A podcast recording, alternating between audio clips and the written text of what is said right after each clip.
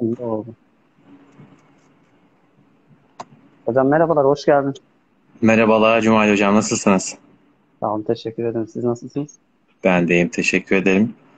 Ee, seste, görüntüde herhangi bir problem var mı? Şu an için yok. Gayet iyi. Tamamdır. Ee, biraz bekleyelim mi? Başlayalım mı? Ee, saate bir bakalım. Şu an 21'i 5 geçiyor. 21.10'a kadar bekleyebiliriz diye düşünüyorum. Ya da birkaç, bir iki dakika daha. Bir, bir iki dakika bekleyebiliriz bence de. Ya da katılanlara tek tek hoş geldin diyorum. Hoş geldiniz diyorum. Davetimize icabet ettikleri için.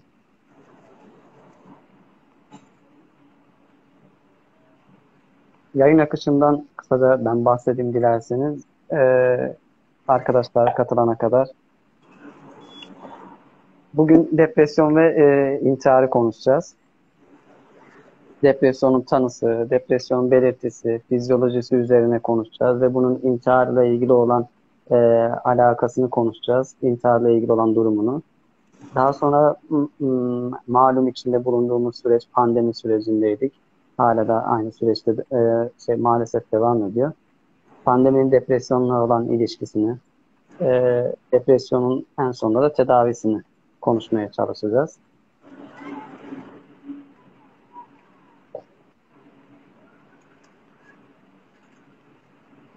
İsterseniz e, yavaştan başlayalım.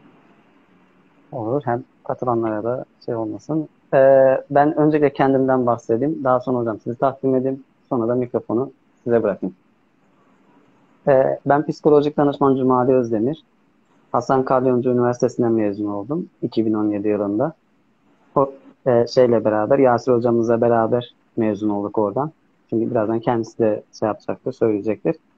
E, 2017'de mezun olduktan sonra biraz mesleğe bir yıl ara vermek durumunda kaldım. Daha sonrasında askerlik, orada zaten tamamen mesleğin içine atılmış oldum. RDM'de, RDM'de görev aldım. Daha sonrasında da e, özel birkaç yerde çalıştıktan sonra şu anda da kendi e, ofisimi işletiyorum. Vera Psikolojik Danışma. Adana'dayım. Benim kendimle ilgili söyleyeceklerim şimdilik bu kadar. Ee, ben de kendimi tanıtayım kısaca. Uzman klinik psikolog Yasir Sinan İşler. Ee, Cumali Hocam'ın ifade ettiği gibi 2017 Hasan Kalyoncu Üniversitesi Psikolojik Danışmanlık ve Rehberlik mezunuyum. Ee, 2019 Hasan Kalyoncu Üniversitesi Klinik Psikoloji tezli yüksek lisans mezunuyum. Ee, bunun dışında e, bilişsel davranışçı terapi ve varoluşçu yönelimli terapilerde e, uzmanlık eğitimlerim var. E, onun dışında şu anda deva psikolojide klinik psikolog olarak ergen ve yetişkinlere yönelik psikoterapi e, hizmetini yürütüyorum. E, bunun dışında da bir sivil toplum örgütünde Görme Engeller Derneği Başkanlığı yapıyorum. Orada da eğitim ve istihdamla ilgili bazı projeler yürütmeye çalışıyoruz. E, yine dediğim gibi ergen ve yetişkin bireylere yönelik psikoterapi e, çalışmalarımız da devam ediyor şu anda aktif olarak. Çok iyi. Ee, hocam sanırım biraz mütevazı oldunuz. Ee, geçenlerde Gaziantep'te şey, Sanko AVM'de bir olay yaşanmıştı. Siz de oradaydınız.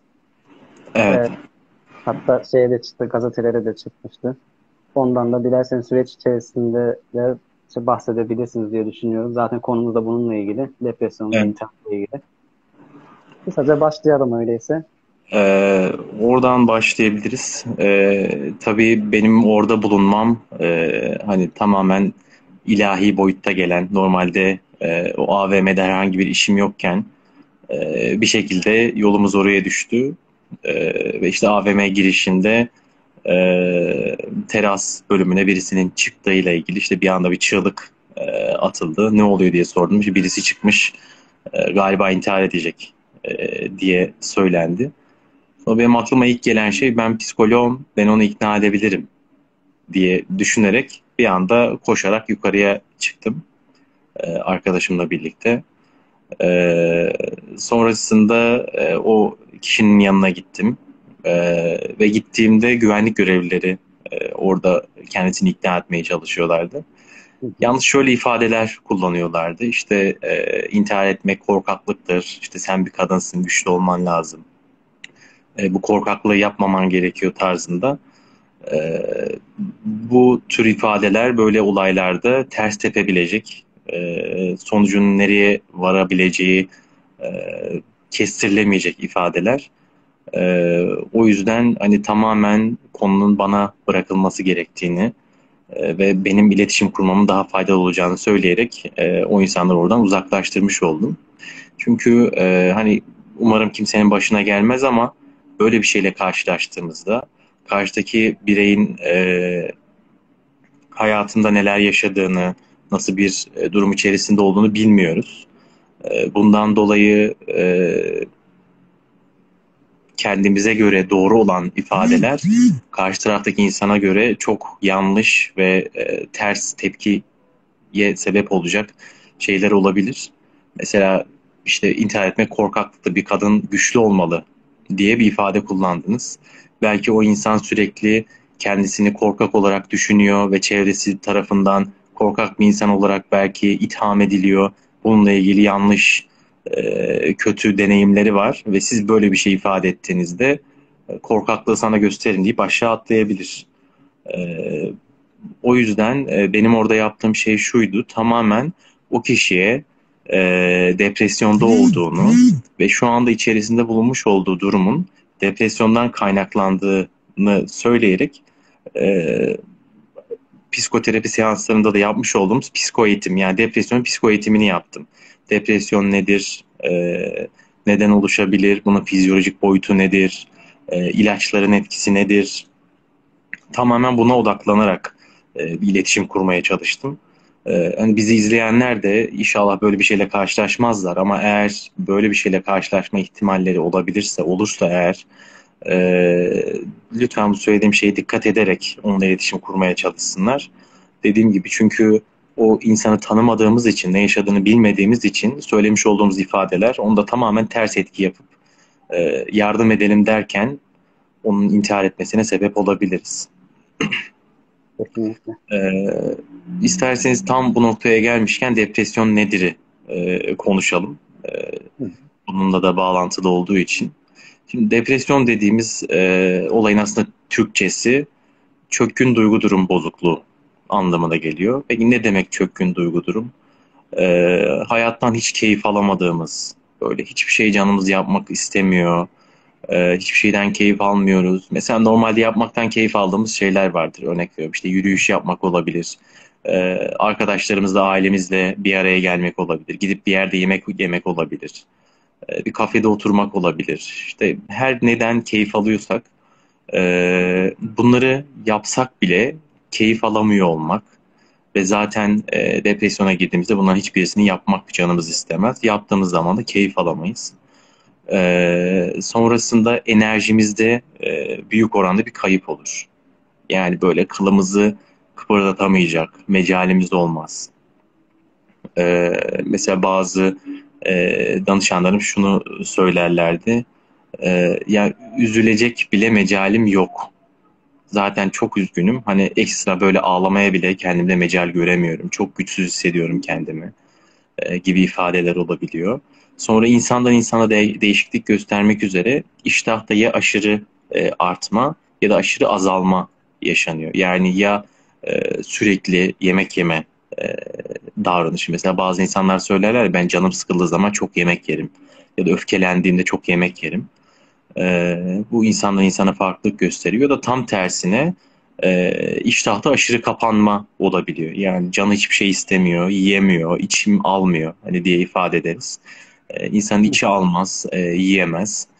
E, böyle bir durum yaşanabilir. Kilo kaybı ya da kilo artışı. E, bunun yanı sıra uyku da büyük problemler ortaya çıkabilir. Yine bu insandan insana farklılık göstermek üzere ya e, insanlar hiç uyuyamazlar, bir türlü uykuya dalamazlar gece ya da uyuduklarında e, uykuları sürekli bölünür, parça parça uyurlar. Ya da ne kadar uyurlarsa uyusunlar e, bir türlü uykularını alamazlar. Hep yorgun, hep uykulu, yani bıraksalar e, 24 saat uyurum, hiçbir şey yapmak istemedikleri için bu şekilde olabilir. Ya da dediğim gibi tam tersi e, bir türlü uykuya dalamayabilirler. İşte kafalarına bir şeyler takılabilir, bunu bir türlü e, atlatamazlar, bu düşüncelerden kurtulamazlar. Ve genelde biz depresyonda şunu görürüz, uyuyanda da, uyuyamayanda da, hani uyusam bile sanki zihnim hiç durmamış, sürekli uyurken gece bir şeylerle zihnim uğraşmış ve ben uyandığımda bile kafam yorgun ve böyle e, dolu şekilde uyanıyorum e, şeklinde ifadeleri oluyor. E, ve böyle sanki göğsümüzün üzerine bir şey oturmuş böyle ya da sırtımıza bir yük yüklenmiş belimizi büküyor. Sanki sırtımızda bir dünyanın yükünü çekiyormuşuz gibi bir his oluşabiliyor depresyon döneminde. Ee, bunun dışında suçluluk e, duygusu ve suçlu olduğuna dair düşünceler depresyonda ortaya çıkabiliyor. İşte ben e, şöyle hatalar yaptığım için bu şekildeyim. E, ya da işte ben e, kötü bir insan olduğum için bu şekilde başıma bu geldi ve böyle hissediyorum gibi durumlar e, ortaya çıkabiliyor. Ve depresyonun e, belirtilerinden bir tanesi de yine intihar ve ölüm düşünceleri.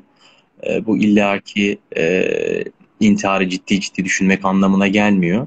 Kimi insanda da ölsem de kurtulsam e, düşüncesi e, baskın olabiliyor. Yani hani değer yargılarımızla ilgili kiminin mesela çocuğu oluyor ve çocuğu için intihar etmek konusunda e, hiçbir şekilde bir düşüncesi olmuyor. Fakat diyor ki keşke işte e, yolda giderken araba çarptı ve o şekilde ölsem. E, ya da intiharın dini boyutuyla ilgili düşündüğünde hani doğal yollardan keşke ölsem de kurtulsam şeklinde düşünceler oluşabiliyor e, depresyon döneminde. E, ve değersizlik duyguları, kırılganlık e, durumları oluşabiliyor. Yani depresyonun e, kağıt üzerinde diyeyim belirtileri e, ve yaşantıdaki belirtileri bu şekilde sıralanabilir. E, bu noktada bunları eğer yaşıyorsanız e, bir psikoterapisi ve psikiyatri uzmanına başvurmanızda fayda var diyerek belirtiler kısmını bu şekilde özetlemiş olayım. Ee, belki hani işte buraya eklemek gerekirse şeyden belki bahsedebiliriz. Ee, düşünme ve karar almada özellikle zorlanmada e, o dönemde çok aktif hale gelebiliyor. Özellikle depresyonda olan şey bireyler e, intiharı düşünürken bile karar almada çok zorluk çekiyor. İşte, e, az önce sizin de değindiğiniz gibi e, uykudayken bile zihin işliyor. Sürekli çalışıyor. Böyle bir zihinden bahsediyor. E, e, açıkçası nasıl anlatacağımı bilemedim şu anda. E, gün içerisinde de aklına gelen düşüncelerde de sürekli bir şey gelgitlerin yaşanması ve özellikle olumsuzluğa doğru kayma bu gelgitlerde karar vermede e, bunun yaşandıktan sonra da olumsuzluğa kayması. Bir de şu dikkatimi çekti iştah ve uyku konusunda özellikle ya aşırı uyuma ya hiç uyuyamama ya çok fazla yeme ya da iştahın tamamen kesilmesi. Ee, özetleyecek olsak belki orayı orta yolun kaybı da diyebilir miyiz acaba?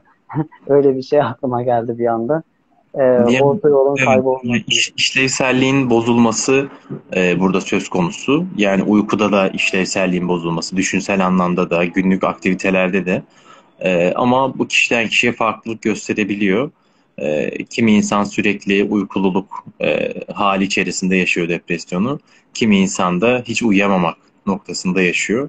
Dediğim gibi bu bireysel farklılıklar e, noktasında e, değişkenlik gösterebiliyor. Ve e, az önce sizin değindiğiniz nokta depresyonun bilişsel üçlüsü dediğimiz konu. E, depresyonda olan bir birey kendisine, çevresine ve geleceğe dair olumsuz düşüncelere sahip oluyor. Mesela bunlar ne demek? Kendisine dair olumsuz düşünceler aslında az önce ufak söylemiş oldum. Ee, yani ben kötü bir insanım, ben bunları hak ettim. Ee, yaşanılan olayla bağlantılı olarak e, işte ben sevilmeyecek bir insanım. E, işte bir ilişkiyle ilgiliyse ben bir ilişkiyi yürütemiyorum e, gibi düşünceler. E, geleceğe dair bunun hiç geçmeyeceği, hiç düzelmeyeceği yani hep böyle gidecek. Benim kaderim böyle, ben kadersizim. E, işte Allah beni cezalandırıyor, hep böyle gidecek. E, mümkün olmayacak. E, mutluluk diye bir şey yok gibi geleceğe dair olumsuz düşünceler ve çevresine dair olumsuz düşünceler. Çevreye dair olumsuz düşünceler nasıl? E, kimse beni anlamıyor, kimse beni sevmiyor, e, kimse bana değer vermiyor, e, benim hiç kimsem yok, e, çevremdeki e, insanların hepsi yüzeysel ilişkilerden ibaret. İşte oğlu, kızı, eşi, e, annesi, babası olan bireyler için annesinin, babasının, işte oğlunun, kızının ya da eşinin kendisine değer vermediğini, kendisini sevmediğini e, düşünceler e, zihni kaplayabiliyor. E, depresyon bilişsel üçlüsünde bu şekilde e, özetliyoruz. E, bunları biz bilişsel davranışçı terapi e, ekolünde çalıştığımız için bu düşüncelerin ne kadar tutarlı olduğunu ve birlikte değerlendiriyoruz, konuşuyoruz. E, mesela kimse beni sevmiyor. Sizi hiç kimsenin sevmediğini düşünüyorsunuz. E, peki düşünelim e, kimler sizi sevmiyor? E, işte söylüyor. Peki seven kimse var mı? Ya aslında e, annem benim için endişeleniyor ve böyle olmama üzülüyor. Annem beni seviyor. Peki babanız nasıl? Babam da aslında çok belli etmese de e, anneme soruyor ve e, benim bu şekilde olmama üzüldüğünü e, biliyorum. E, o zaman anneni, babanızı nasıl sevdiğini söyleyebilir miyiz? Evet babam da sanırım beni seviyor. E, peki kardeşleriniz nasıl? E, işte kardeşlerim de ben yüzüm asık olduğu için, üzgün olduğum için beni güldürmeye çalışıyorlar. E, beni eğlendirmeye çalışıyorlar. İşte gel şuraya gidelim, buraya gidelim diye söylüyorlar. Peki sizi sevmeyen insanlar böyle davranırlar mı? Hayır. E, o zaman kardeşlerinizin de sizi sevdiğini söylemek mümkün mü? E, evet sanırım onlar da beni seviyor olabilirler. E, sonra arkadaşlara geliyoruz. Mesela arkadaşlarınız nasıl? E, işte bir tane arkadaşım var. E, hep onunla dertleşiyorum. Onunla konuşmak çok iyi geliyor. Bana güzel şeyler söylüyor. O zaman arkadaşınız da sizi seviyor sanırım. Evet, arkadaşım da beni seviyor. Peki o zaman hiç kimse beni sevmiyor diye düşünmek biraz genel genelleyici bir e, düşünce olmuş olmuyor mu diye soruyoruz ve bu şekilde kanıt incelemesiyle bu düşünceleri irdelemiş oluyoruz. E, birazcık psikoterapi boyutunda da nasıl e, bu düşünceyle baş ettiğimizde anlatmış oldum bu şekilde. Evet. Aslında kişinin hayatında varmış bu sevdiği kişiler vesaire ona değer veren kişiler aslında varmış ama o şey çökkün duygu durumu yaşadığı dönemlerde bunlar belki biraz da arka planda kalıyor ya da kişi e, o an için e, o dönemdeyken bunu göremiyor. Evet yani şöyle söyleyelim. E, depresyon bir e, hastalık olarak nitelendirelim. E, mesela grip olduğumuz zaman e, ne yaşıyoruz? Burnumuz akıyor, boğazımız şişiyor, e, işte ateşlenebiliyoruz, bir halsizlik oluyor. E, depresyona girdiğimiz zaman da aynı bu söylediğim belirtileri yaşıyoruz. Yani aslında e, biz hiç kimse bizi sevmiyor diye düşünmemizin sebebi depresyonda ol, e, depresyon içerisinde olmuş olmamızın belirtisinden dolayı bunu yaşıyoruz. Enerjimiz çok düşük çünkü depresyondayız. E, kendimizi çok çaresiz hissediyoruz çünkü depresyondayız. Gripken burnum akar, depresyona girdiğimde çaresiz hissederim. Gripken ateşlenirim, depresyondayken ölsem de kurtulsam diye düşünürüm. İşte gripken boğazım ağrır, depresyona girdiğimde de e, çok kırılgan ve suçlu hissedebilirim. Hiçbir şeyden keyif almam. E, ama şöyle bir fark var. Mesela gripken yine enerjimiz düşüyor. Böyle işte halsizlik oluyor. Peki biz şöyle düşünüyor muyuz? E, benim enerjim zaten hep düşük.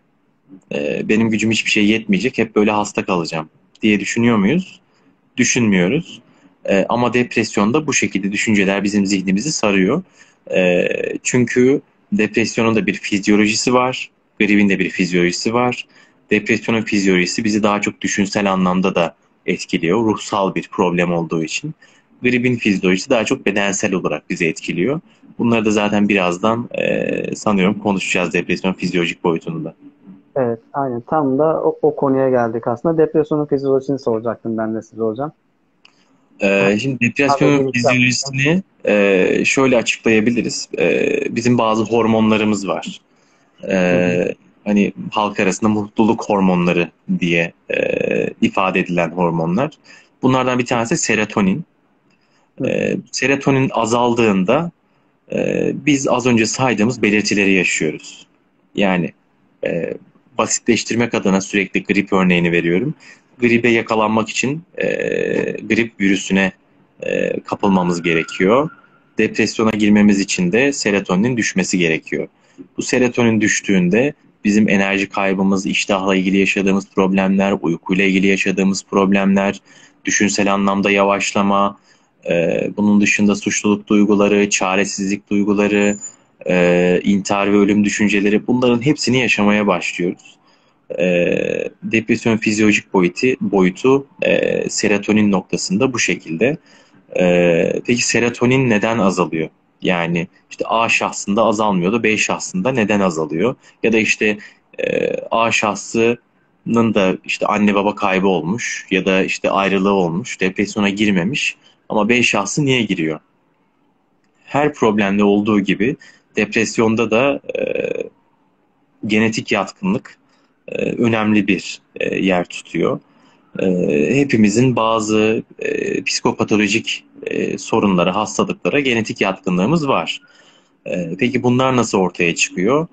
Biz büyük stres kaynaklarıyla karşılaştığımızda, zorlayıcı yaşam olaylarıyla, travmatik yaşantılarla karşılaştığımızda hangi psikopatolojiye, hangi ruhsal hastalığa genetik yatkınlığımız varsa onun ortaya çıkması çok daha yüksek bir ihtimal. Ee, mesela depresyona e, genetik yatkınlığı olan bireyler e, zorlayıcı bir yaşam olayıyla karşılaştıklarında e, depresif duygu duruma girip depresyona girebiliyorlar. Obsesif kompulsif bozukluk yani takıntı bozukluğu ya da halk arasında vesvese bozukluğu olarak nitelendirilen e, probleme eğer genetik yatkınlığımız varsa zorlayıcı bir yaşam olayıyla karşılaştığımızda takıntılarımız artabiliyor. E, ya da psikotik, e, şizofrenik e, bir genetik yatkınlığımız varsa zorlayıcı yaşam olaylarıyla karşılaştığımızda psikotik ataklar geçirebiliyoruz ya da e, kronik psikotik bozukluk olarak nitelendirilen şizofreni e, hastalığına e, düşme ihtimalimiz olabiliyor. E, aynı ifade ettiğim gibi yani depresyonda da genetik yatkınlığın etkisi var. Bir de bunun yanında çevresel faktörler de önemli. E, mesela hareket, e, özellikle az önce de ifade ettiğiniz bu pandemi döneminde e, depresyonun bağlantısı noktasında e, pandemi döneminde çok fazla hareketsiz kalmaya başladık. Evet. E, evde çok daha fazla zaman geçiriyoruz. E, sürekli kapalı ortamlardayız. E, açık ortamlara gittiğimizde de e, en azından bu Haziran'a kadar e, gidebileceğimiz tek yer işte alışveriş yapmak için marketlere gidebiliyorduk ya da işte giyim alışveriş için bir yerlere gidebiliyorduk. Ee, ne bileyim bir kafede, bir restoranda oturma ihtimalimiz yoktu. Ee, bundan dolayı çok daha durağan, e, kapalı ortamlarda geçirdiğimiz bir e, dönemdi. E, hareketimiz azaldığında bizim serotoninimiz de azalmaya başlıyor. Yani ne kadar hareketsiz bir yaşam biz geçirirsek e, serotoninimizin düşmesi ve depresyona girmemiz de o kadar e, yüksek bir oranda artıyor. E, biz zaten psikoterapi sürecine gelen e, danışanlarımızla şöyle bir süreç izliyoruz. Az önce siz de ifade ettiniz.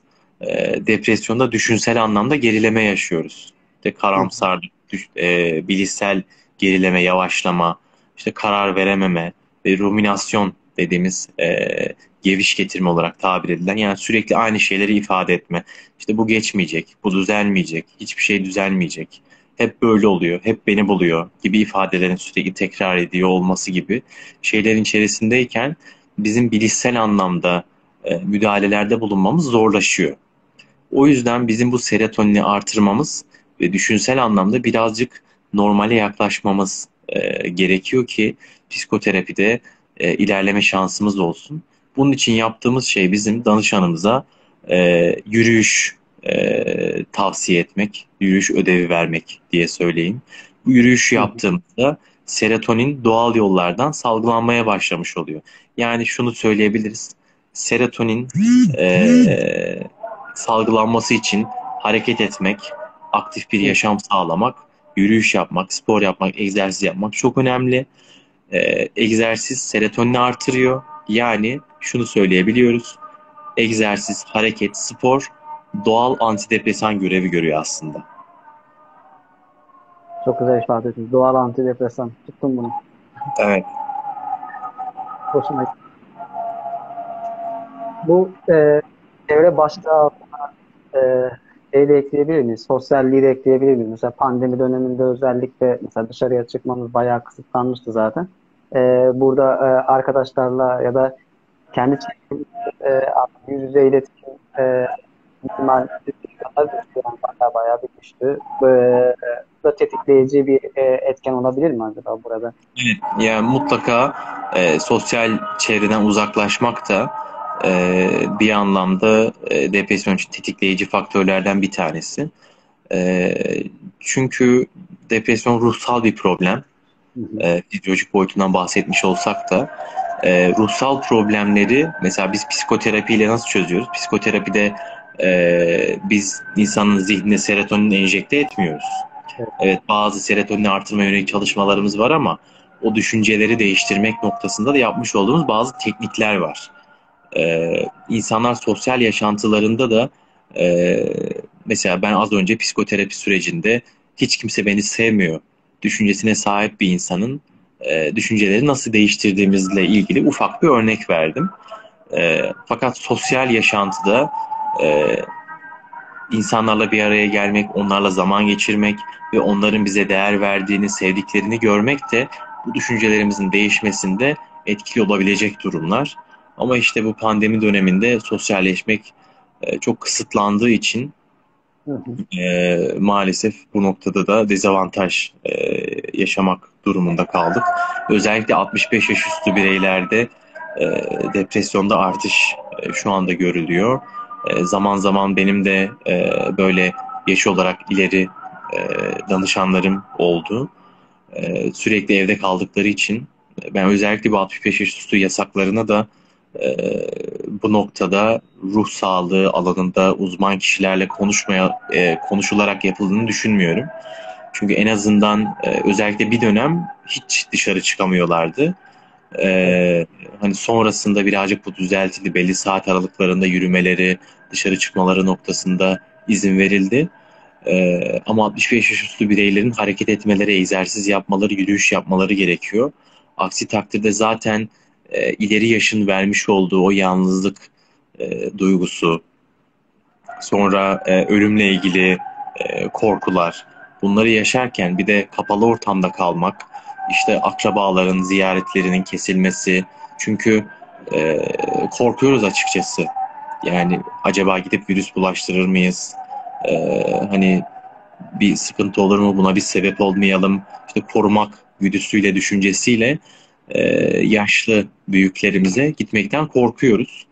Bu sefer dışarıya çıkmalarını da yasaklıyoruz. E, hal böyle olduğu zaman bu insanların depresyona girmemesi zaten çok mümkün olmuyor. Hem hareketsiz kalıyorlar hem sosyal çevreden uzaklaşıyorlar. Torunu gelmek istiyor gelemiyor. İşte dedeme, babaanneme, anneanneme e, virüs bulaştıracağım diye. İşte oğlu kızı gelmek istiyor, virüsten korkuyor, gelemiyor. Bayramlarda bile e, yani pandeminin ilk patlak verdiği zamanlarda bayramda bile gitmemiştik. Hani şu anda işte aşılandık, onlar aşılandı. İşte maskelerimize dikkat ederek, mesafemize dikkat ederek işte el öpmeyerek gidiyoruz. Ama ilk dönemde onlar için de gerçekten çok büyük e, yıkımlara ve duygu durumda aşağı düşmelerine sebep olan bir süreç oldu maalesef.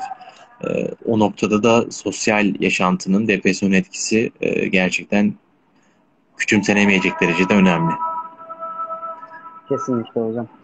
Ee, bu da pandemi de konuştuk. Pandemide e, hazır konuşmuşken pandemide e, ilk, ilk, ilk zamanlarda özellikle e, intihar girişimleri hatta maalesef ki e, üzücü bir haber almıştık. İlk başladığı dönemlerde intihar olayı da gerçekleşmişti. E, özellikle depresyonun e, bunun e, intiharla olan e, e, intihar e, alakasını, durumunu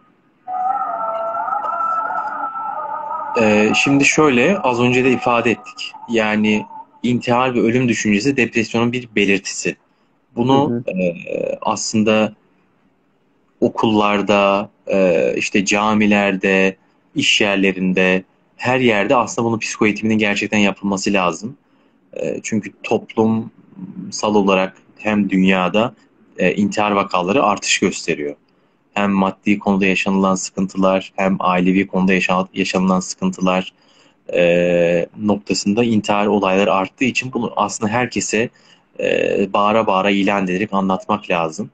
Şimdi bir insan neden intihar etmek ister ve neden hayatına son vermek ister ya da neden ölümde kurtulayım der.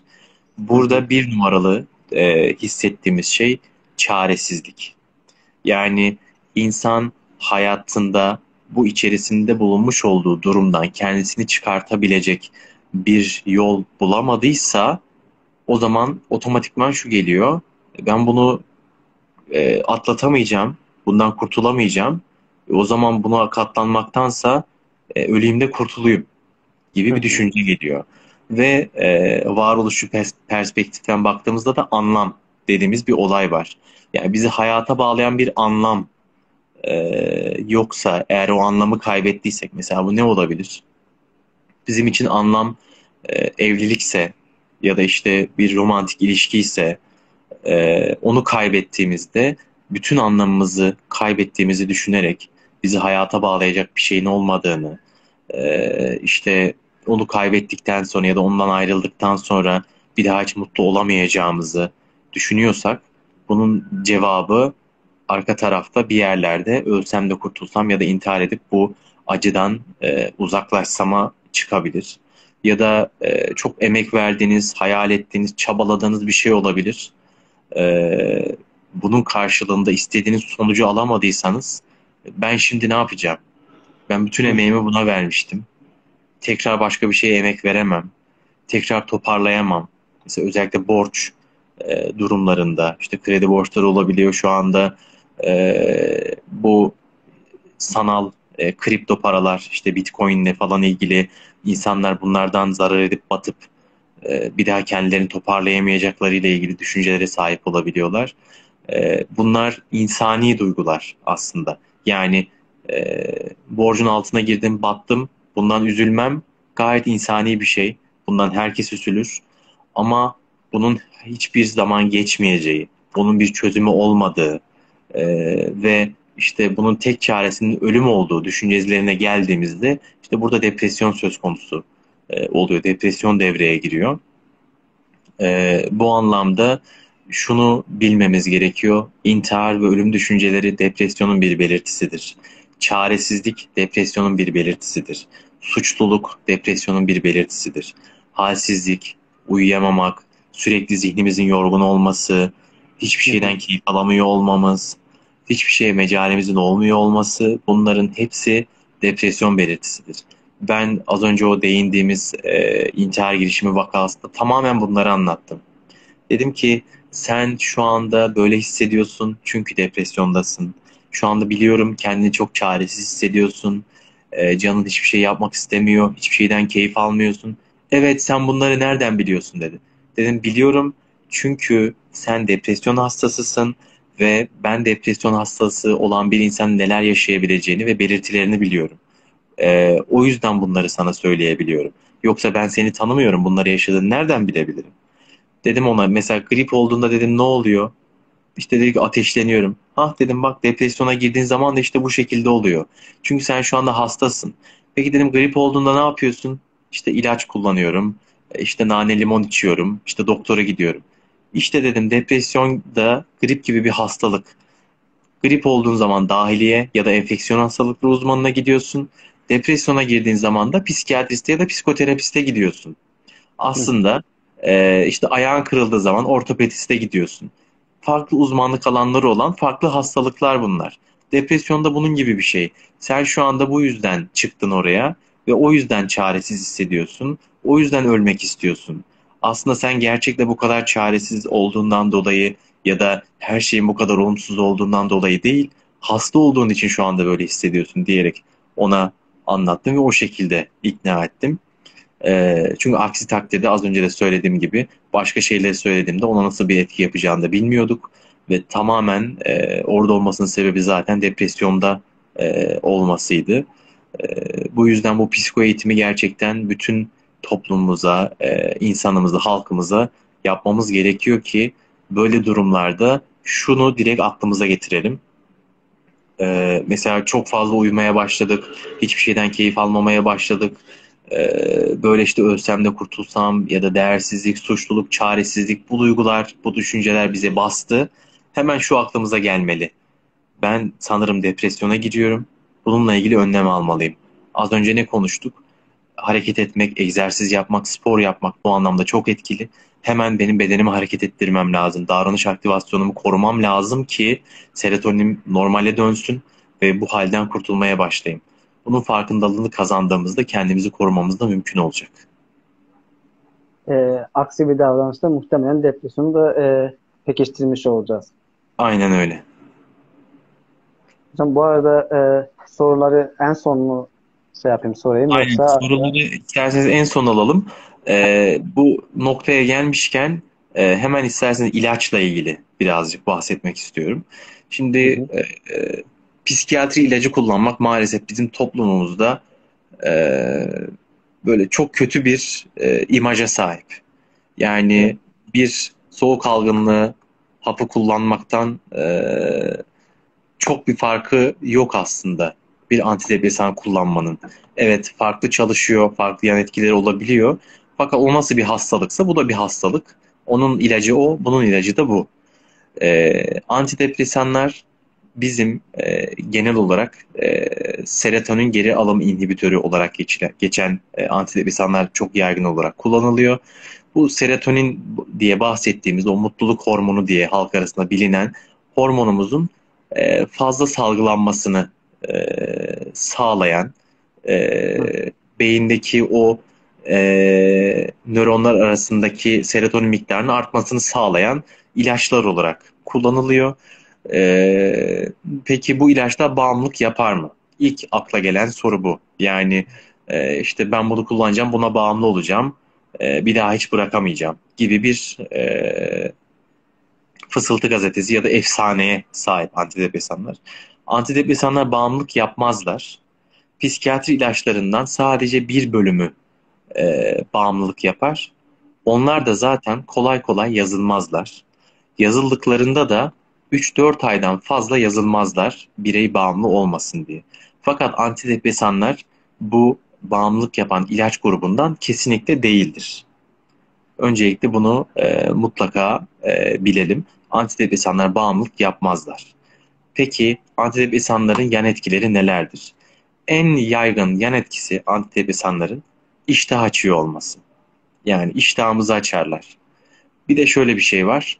Ee, işte bazı antidepresanlar intihara sebep oluyormuş gibi evet. sorular geliyor. Şimdi o şöyle bir durum. Ee, antidepresanlar ilk başta bizim enerjimizi yükseltiyor. Ee, intihar ve ölüm düşüncesi olup enerjisi çok düşük olan insanlar olabiliyor. Yani tabiri caizse intihar etmeye bile e, mecali olmuyor. Antidepresan ilk kullanıldığında önce enerjiyi artırdığı için belki bu noktada e, çok az sayıdaki bireyde hani o enerjiyle bunu yapmakta harekete geçirme gibi bir şeye sebep olabiliyor. Ki bu antidepresan doğrudan etkisi değil, enerjinin artmış olmasıyla ilgili bir durum. Ki zaten böyle durumlarda bu ilacın yazıldığı bireylerin e, yakınlarına e, bu konuda bilgi veriliyor. Kendisiyle e, vakit geçirmeleri, yalnız bırakmamaları noktasında. Bu da zaten ortalama bir hafta sürecek bir süreç. Sonrasında zaten düşünsel anlamda da diğer mutluluk anlamında da sıkıntılar gitmeye başlıyor yavaş yavaş. Peki bunun dışında antidepresan ilk kullanmaya başladığımızda ilk birkaç gün ya da bir hafta bazı yan etkiler ortaya çıkabiliyor. İşte baş dönmesi olabilir, mide bulantısı olabilir, e, uykululuk hali olabilir. E, bununla ilgili etkiler ortaya çıkabiliyor. Ve insanların en çok şey, söylediği şey şu, işte antidepresanı alıp alıp sürekli uyuyacak mıyım? Antidepresanın görevi sizi uyutmak değil, aslında sizi o sürekli uykululuk ve halsizlik halinden çıkarmaktır. O yüzden antidepresanlar sizi uyuşturup uyutmazlar. Eğer uyuma problemi yaşıyorsanız geceleyin e, yatmadan saat en geç 10-10.30 civarında kullanmanız için uyumanız için size özellikle ayrıca bir e, ilaç verilir. Onunla uyursunuz. Ama antidepresanların birincil görevleri sizi uyutmak değildir. e, zaten uykuluk haliniz var. Zaten işlevselliğiniz bozulmuş. Zaten hiçbir şey yapamıyorsunuz. Daha bir de üzerine eğer antidepresanlar sizi uyutmak üzerine e, çalışan ilaçlar olsaydı bu size fayda değil daha çok zarar verirdi.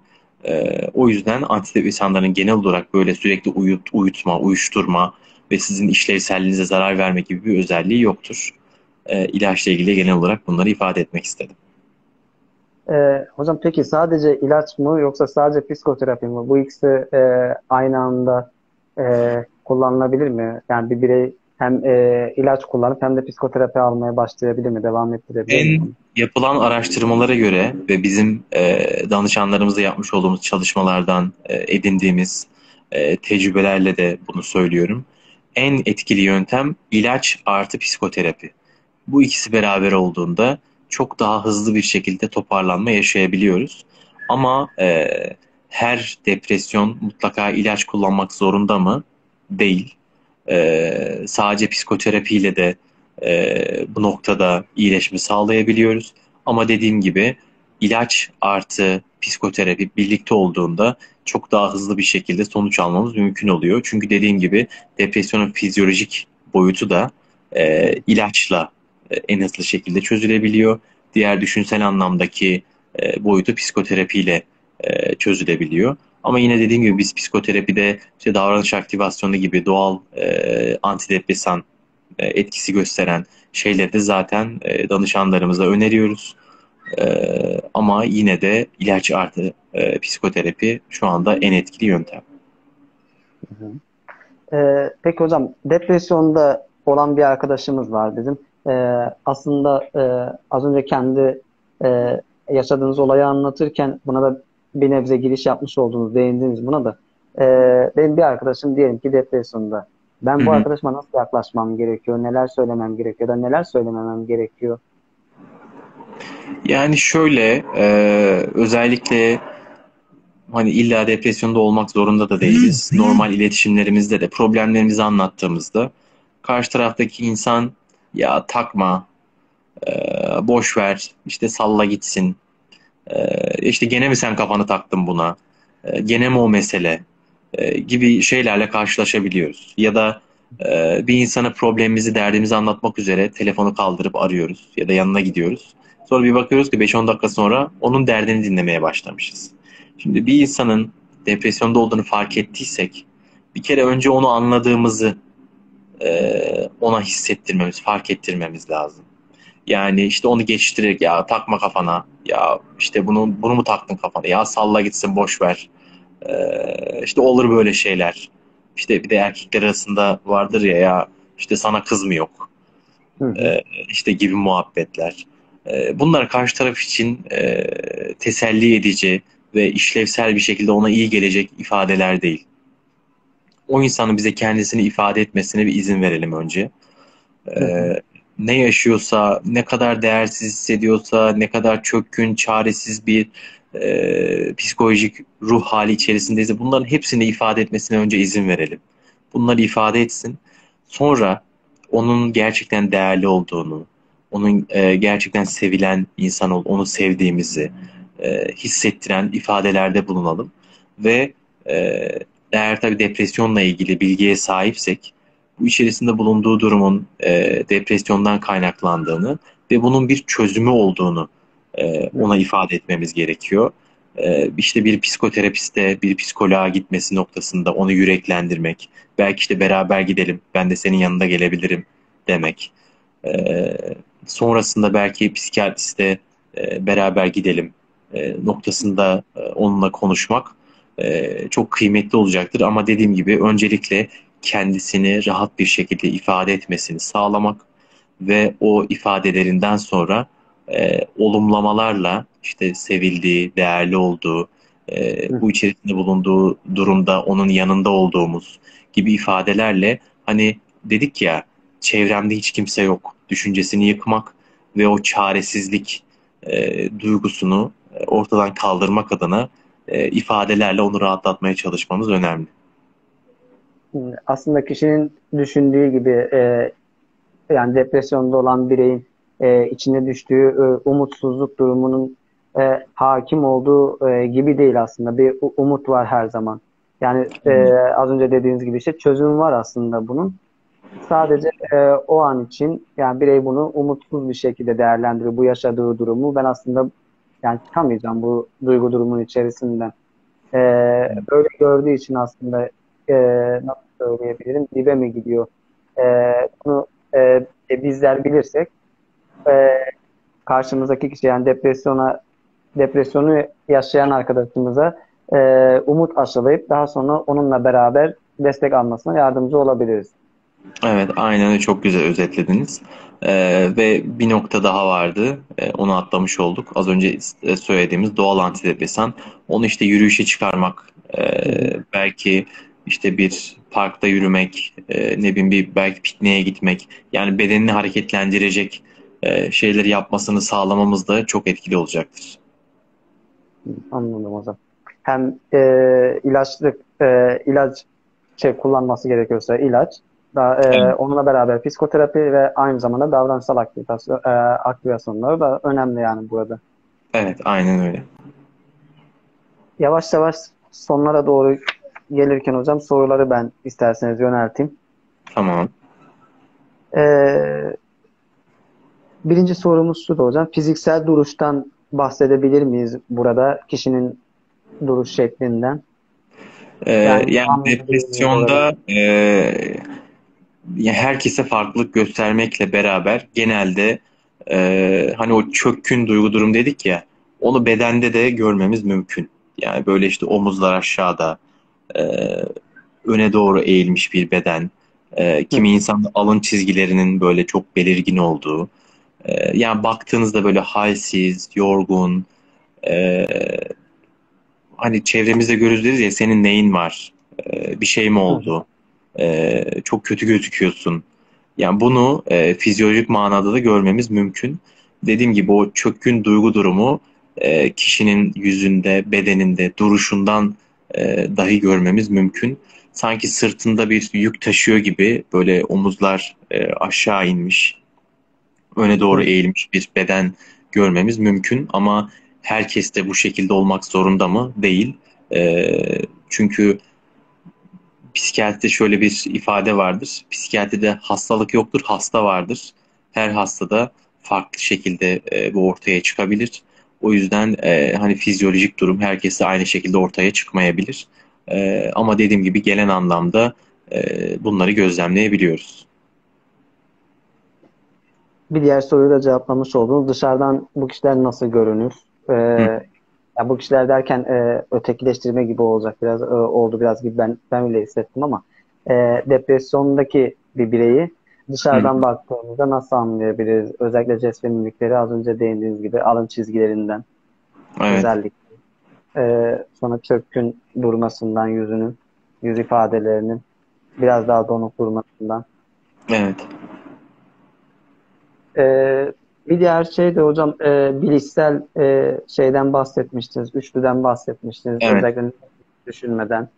E, kendine karşı e, olumsuz düşüncelerinin olmasından bireyin ve e, ön yargılarının olmasından, bilişsel ön yargılar, kendi evet. düşüncelerinin yargılarından e, olması. Burada mesela e, özellikle negatif düşüncelerin, yani şemaların özellikle hani biz bunlara biraz daha geçmişe e, atıfta bulunursak şemalar e, boyutunu konuşacak olursak burada e, hangi boyutlara ele almamız gerekiyor ya da bizim özellikle depresyona e, depresyon duygu durumunu yaşamamamız için özellikle e, ne gibi şeyler yapmamız gerekiyor? E, alabileceğimiz önlemler neler olabilir? Şöyle e, şemalar demişken e, temel inançlar e, diye BDT'de bilgisayar davranıcı terapide isimlendirilen e, temel inançlarımız var. E, bunlar üç ana başlıkta toplanıyor. Biri değersizim, biri yetersizim, biri sevilmiyorum. E, bazı durumlar bizim bu e, temel inançlarımızı tetikleyebiliyor. E, her insanda bu temel inançlardan bir tanesi biraz daha baskın olabiliyor. Mesela değersizlik temel inancı olan bir birey e, yaşadığı olaylarla ilgili daha çok değersizlik e, şemasını aktive eden duygular ve düşünceler yaşayabiliyor. E, örnek veriyorum, sizle e, aynı binada oturuyor olalım ve e, bina girişinde işte yanınızdan geçip gideyim ve size selam vermemiş olayım. E, sizin e, buradaki değersizlik ya da sevilmemekle ilgili bir şemanız e, baskınsa ya bu işte beni sallamadı tırnak içinde. İşte bu beni takmadı. E, işte beni adam yerine koymadı, selam vermedi e, gibi düşüncelerimiz aktive olabiliyor. Ya da işte sevilmemekle ilgili ise e, sanırım beni hiç sevmiyor, bana gıcık oluyor ki bana selam bile vermedi. Benden nefret ediyor e, gibi düşünceler aktive olabiliyor. E, böyle durumlarda da yine bu düşünceyi biz oturup e, beraber inceliyoruz. Yani tamam sen bunları düşünüyorsun. Sana selam vermediği için sana değer vermediğini ya da seni sevmediğini düşünüyorsun. Peki başka ne olmuş olabilir? Ee, bunun yerine hangi düşünceye getirebiliriz? Ee, o anda işte belki acelesi vardı beni görmedi. Ee, ya da işte o sırada apartmanın ışığı yanmamıştı. Ee, belki beni hiç fark etmedi. Ee, ya da işte o sırada telefonla konuşuyordu. Ee, hani beni görmemiş olabilir gibi e, mesela alternatif düşünce geliştirmeye yönelik e, çalışmalarımız oluyor. Tabii bunu biz söylemiyoruz. Beraber düşünüyoruz. Başka ne koyabiliriz yerine? E, hani başka ne olmuş olabilir gibi ifadelerle. Ve bu temel inançların depresyona girmek noktasında etkisi nasıl? Bu şemaları, temel inançları destekleyen, besleyen ara inançlarımız olabiliyor. Mesela işte sınavdan yüz alamazsam yetersiz olurum başarısız bir öğrenci olurum gibi bir düşünce ve e, buna tamamen inandığımızda ve bunu kendimize bir yasa kural olarak kabul ettiğimizde 100 alamayıp işte 80 aldığımızda ben yetersiz ve başarısız bir öğrenciyim deyip bunu kendimize bu e, kıyafeti giyip e, bunun da duygu durumumuzu aşağı çekmesine e, sebep olabiliyoruz hani daha büyük yaşantılarda da depresyona girmek noktasında e, bunlar ortaya çıkabiliyor. Yani mesela eşten ayrılma ya da sevgiliden ayrılma gibi bir durumda e, sevilmiyorum şeması eğer bir insanda baskınsa bu aktif olup e, ben sevilecek bir insan değilim. E, işte bu ilişkiyi yürütemediysem e, demek ki benim sevilecek bir yanım yok gibi bir e, şemanın aktif hale gelmesiyle o genelleme ve çaresizlik durumu ortaya çıkıp yine bir depresyon e, sonucu ortaya çıkabiliyor. Burada şeyden bahsedebilir miyiz? Belki e, bir metaforla anlatacak olursak mesela kamerayı e, kameranın fokus özelliğini özellikle o e, olumsuzluklar üzerine fokuslayıp e, tamamen e, o kısmı görmeye çalışıyoruz ya da tamamen e, o kısmı görüyoruz ve e, o inanca e, iyice bağlanmış oluyor ve daha sonradan da e, diğer belirtilerle beraber depresyonda kendi kendini tetiklemiş oluyor. Özellikle davranışın e, azalmasıyla beraber yani bir şey kısır döngüden bahsedebiliriz burada belki de ruminasyon evet. şey dedi çok pardon ruminasyon demişsiniz mesela orada da.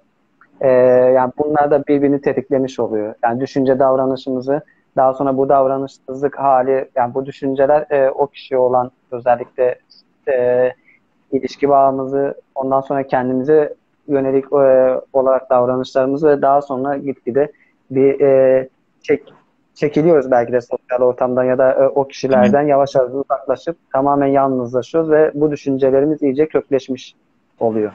Aynen çok güzel anlattınız bu arada e, kısır döngüde çok teşekkür ederim. Aslında ben teşekkür ederim. Yavaş yavaş sonlara geldik.